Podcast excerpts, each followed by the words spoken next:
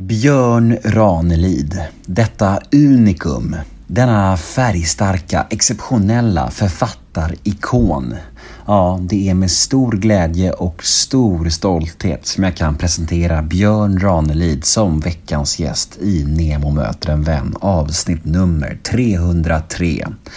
Jag vill dock poängtera att detta är ett podmi exklusivt avsnitt, vilket betyder att det ni kommer att få höra här nu hos mig är en liten teaser ett litet smakprov på mitt snack med Björn. Och om ni vill höra episoden i sin helhet ja, då behöver ni antingen ladda ner podmi appen eller gå in på podmi.se. Och vad är då Podmi kanske vissa av er undrar? Jo, Podmi är en tjänst som släpper exklusiva avsnitt från några av Sveriges största och bästa poddar. Alltså, för en liten, liten slant så får ni högkvalitativ och reklamfri underhållning som ingen annan kommer åt. Något för finsmakarna med andra ord. Och vet ni vad det allra, allra bästa är? Jo, första månaden hos Podmi är helt gratis. Detta betyder alltså att ni kan prova gratismånaden hos Podmi och känna på appen lite. Njuta av allt premiumgodis som finns där. Och sen efter gratismånaden så kan ni helt enkelt utvärdera om det var någonting för er. Och då har ni inte betalat en enda krona.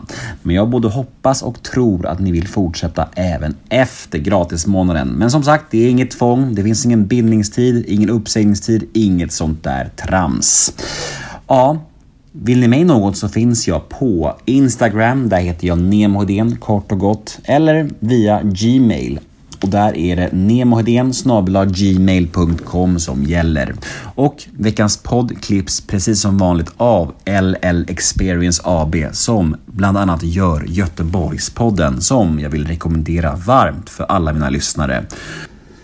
Efter gingen som kommer om en stund så kommer alltså en teaser på mitt snack med Björn Ranelid. Och vill ni höra episoden i sin helhet? Ja, då behöver ni skaffa PodMe. Nu kör vi!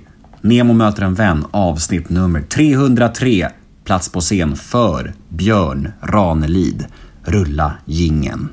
Nemo är en kändis, den största som vi har. Nu ska han snacka med en kändis och göra någon glad. Ja! Nemo, är Nemo. Möter en vän. Ja, Nemo möter en vän med självaste Björn Ranelid. Hej! Hej! Hej! Fan vad det känns mäktigt att vara hemma hos dig i din otroliga lägenhet. Ja, jag brukar säga så här att det är inte särskilt mycket av detta som det gäller innehållet som är min förtjänst. Utan jag ser livet som en slags eh, pågående process där jag försöker göra mig ödmjuk och värdig inför det som från början inte är min förtjänst heller, nämligen det primära i livet. Så individualismen är faktiskt en lögn redan från början, i begynnelsen. Det är också ett av skälen till att all artificiell intelligens är också en lögn. Det är världens största och mest spridda farsot. För ingen dator i världen kommer att älska, kyssa, föda barn, eh, Eh, ha en sexuell utlösning. Drömma, längta, sjunga, älska, gråta. Allt det som görs till människor kan inte världens främsta dator, Pentagon, åstadkomma. Och frågar du en 10-åring, en 20-åring idag, har de inte en aning om detta. Du, eh, jag fick en liten rundtur här i ditt eh, makalösa hem och det kändes som att man gick runt i ett valv. Det var så här tusentals böcker och vackra målningar och man kom in i ännu ett rum och ännu ett rum och det tog aldrig slut på något sätt. Och sen längst in i valvet fanns ett rum med massa, massa löpsedlar på dig, om dig och vad du varit med om genom åren. Och jag blev så nyfiken på var, varför har man ett sånt rum för? Ja, det är egentligen inte jag som har bestämt detta, utan det var August som sa till mig, för jag har inget intresse av det. August sa till mig, min yngsta, att farsan, så det, det kan vara rätt roligt ändå att, eh, även om det på något sätt är eh, laddat med dynamik och allt vad det nu är, så är det ju ändå en slags eh, eh, vad ska vi kalla det för, illustration till eh, min eh, karriär som författare eller mitt liv som författare och talare i offentligheten. Så för mig innebär livet också att man har lite roligt, att man bjuder på sig själv. Det är därför jag var med i Let's Dance och På spåret och Stjärnorna på slottet och Melodifestivalen. Därför att man får inte vara så aktsam om sitt namn så att man inte vågar utsätta sig för att göra bort sig eller blamera sig eller komma med tillkortakommanden. Rätt många av de här människorna som finns i den eh, intellektuella, kulturella världen skulle ju aldrig ställa upp i Let's Dance till exempel. För de vet ju om att det skulle de inte klara av. Och de klarar inte av att stå på scenen i Melodifestivalen heller. Mm. Men det är så intressant det här med den här, för det känns ändå som att du har en ganska kluven relation till offentligheten. För att Alltså delvis så, så säger du att du inte har något behov av uppmärksamheten och det, jag köper det helt. Men samtidigt så är du ändå med i mycket saker och när vi mejlade inför det här så pratade du, berättade du gärna om vad du hade varit med i innan och så här. Så det finns en ambivalens där. Är, är jag korrekt ute ändå? Det är nämligen så att när jag pratade nu om offentligheten så är det ju en bekräftelse. Och du blir ju inte offentlig om du inte uträttar någonting ut, inför andra människor. Då blir du offentlig. Sen är det hur du förvaltar detta och på vilket sätt det gestaltar sig. Och jag tycker det är en, en viktig del av mitt liv att jag har varit fotbollsspelare. För jag vet ju vad jag talar om när jag hör Niva och Bank och Lalo och allt vad det heter. Så vet jag att jag är en lika bra sportjournalist som dem. Kan mer om fotboll än dem. Ursäkta jag säger det. Därför att jag har spelat fotboll själv, vilket de inte har gjort. Men du, eh, en till fråga om det här med offentligheten. För att eh, du, eh, är det någon skillnad på Björn Ranelid som syns i Bingolotto och skriver rim kontra Björn Ranelid som är hemma med sin fru? Vad är den stora skillnaden där? Privatpersonen och offentligheten? Eh, jag tror att Marita skulle skriva under på att jag eh, är en lättsam person. Och att jag lyssnar. Mina vänner vet ju om att jag är en god lyssnare. Det var en kvinna en gång som sa att jag... Anita Goldman sa det förresten på en månads eh, boksfest. Hon hade aldrig träffat en man som är så god lyssnare. Men det är ju inte den gängse bilden av mig. Jag är kanske lika känd som Zlatan i Sverige. Men när Zlatan har slutat spela fotboll, om han nu slutar i Milan, så måste han ta ett steg utanför kritstrecken på arenan och ut, utföra någonting som är av värde för mänskligheten, för barn. Du ser på Rashford i Manchester United. Han blev hedersdoktor. Han skrev till Boris Johnson och kabinettet att barnen till de fattiga mödrarna i, i England ska få mat även under, under ferierna, sommarlovet. Det har ju Zlatan inte gjort. Jag har skrivit i två texter till Zlatan i, eh, i en krönika. Varför startar du inte en skola på Rosengård? I ditt namn. Det kostar dig högst 10 miljoner kronor om året. Inte ens det. Det får han för en minuts reklam. Vad tycker du om metoo och den stämning som har rått, eller råder, bland eh, kvinnors roll i, i, och plats i kulturen? Ja, ja. Ibland så blev det en del förlöpningar och det kan jag förlåta. Det var inte lätt när det var väldigt överhettat och det var dessutom akut på olika sätt. Och kvinnor i gemen över hela världen har ju alltid, nästan alltid fått stå tillbaka för männen. Och detta är ju fullkomligt förnuftsvidrigt. Och eh, är det någon du ska fråga om detta så är det jag. För att jag, jag har alltid tänkt för första Jag är dessutom den enda i världen som har skrivit en roman som heter Kvinnan är första könet.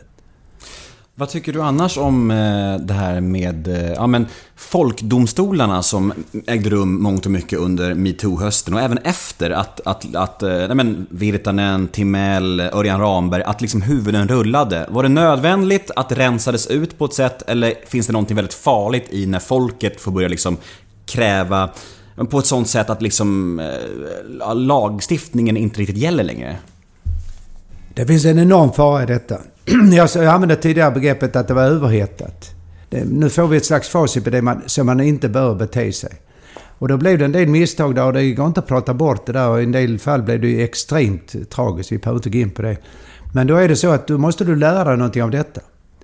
Vad har du orimligt gott självförtroende inom? Där du kanske inte borde ha så gott självförtroende? Ja, det vet jag har inte gått själv. Det är bara som tror detta så du kommer du tycka oh han säger detta för att jag ska gå med hoven. Men det är inte sant. Jag har inte särskilt gott självförtroende om du tänker efter. Men finns det någonting där det är tvärtom då? Där du faktiskt tycker att du är bättre på än vad du faktiskt är i verkligheten? Ja, jag kallar inte mig för konstnär. Men om du tänker på vilka som kallar sig för konstnärer i Sverige. Så Ja, skulle... jag, tyck, jag tycker det är otroligt. Alltså, Ja. Tavlan bakom dig har du målat och Ja. jag kan inte fatta att det är du. Det är häftigt. Ja, jag tycker det. På riktigt. Ja, och det har jag aldrig sagt offentligt ju. Nej. Så då skulle man säga, varför går han inte ut och skryter om detta? Alla de som kallar sig för konstnärer, för de kan stå och spruta på lite färg och en klapp. jag skryter åt dig, det är lugnt. Ja. Nej, men då, då är det så att i det fallet kommer min ödmjukhet in inför pappa och min yngste son som är konstnär. Mm. Nästa lyssnarmail lyder så här.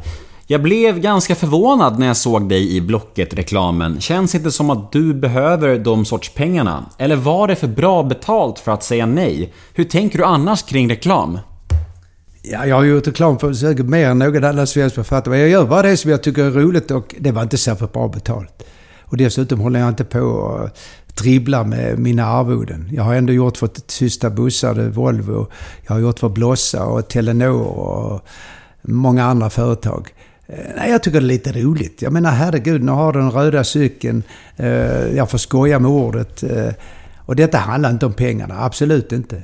Eh, tänk de som hade vetat om att jag tog lägst betalt av alla som var med i Let's Dance. Det var jag som var med på alla ljusramperna. Däremot vet jag vad Stenmark och andra har fått betalt. De fick alltså 25 gånger mer än vad jag fick. 30 gånger mer än vad jag fick. Så ställ frågorna till Stenmark med flera. Eh, därför att jag tog lägst betalt, vilket Pascalidou kan intyga. Under den här poddens gång så har ju du återkommit till eh, hur mycket din fru betyder för dig och eh, men att hon är klokare än dig och att utan henne hade ingenting av det här varit möjligt som du har åstadkommit under din fantastiska karriär. Eh, jag vet att hon var sjuk och jag vet inte, skulle du vilja berätta om hur det har påverkat dig och, och hur illa det var och sådär? Eller är det, är det en öm tå? Vi gör så här, jag svarar på frågan och sen så ringer jag till Margareta och säger att jag har svarat på den. Mm. Och sen så tar du med respekt för mig och Margareta. Absolut. Så får hon avgöra. Eh, en dag i oktober, jag är nere och ska göra jobb i Skåne. 09.15 så ringer August, som han heter, och säger att mamma är sjuk. Hon är på väg till Södersjukhuset.